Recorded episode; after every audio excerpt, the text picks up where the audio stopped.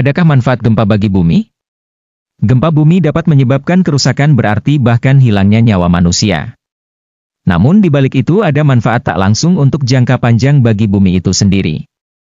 Peningkatan pengetahuan geologis.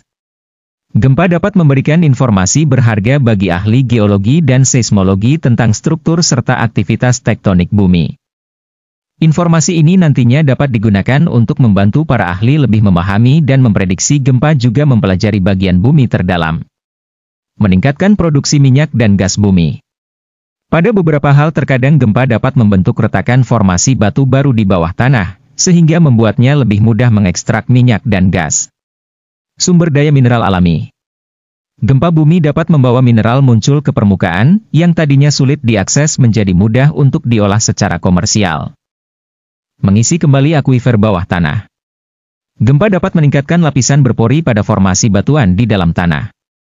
Hal ini dapat mengisi persediaan air yang dapat bermanfaat bagi manusia untuk konsumsi dan irigasi. Namun manfaat ini dirasa sangat kecil dibandingkan kehancuran dan dampak negatif gempa lainnya.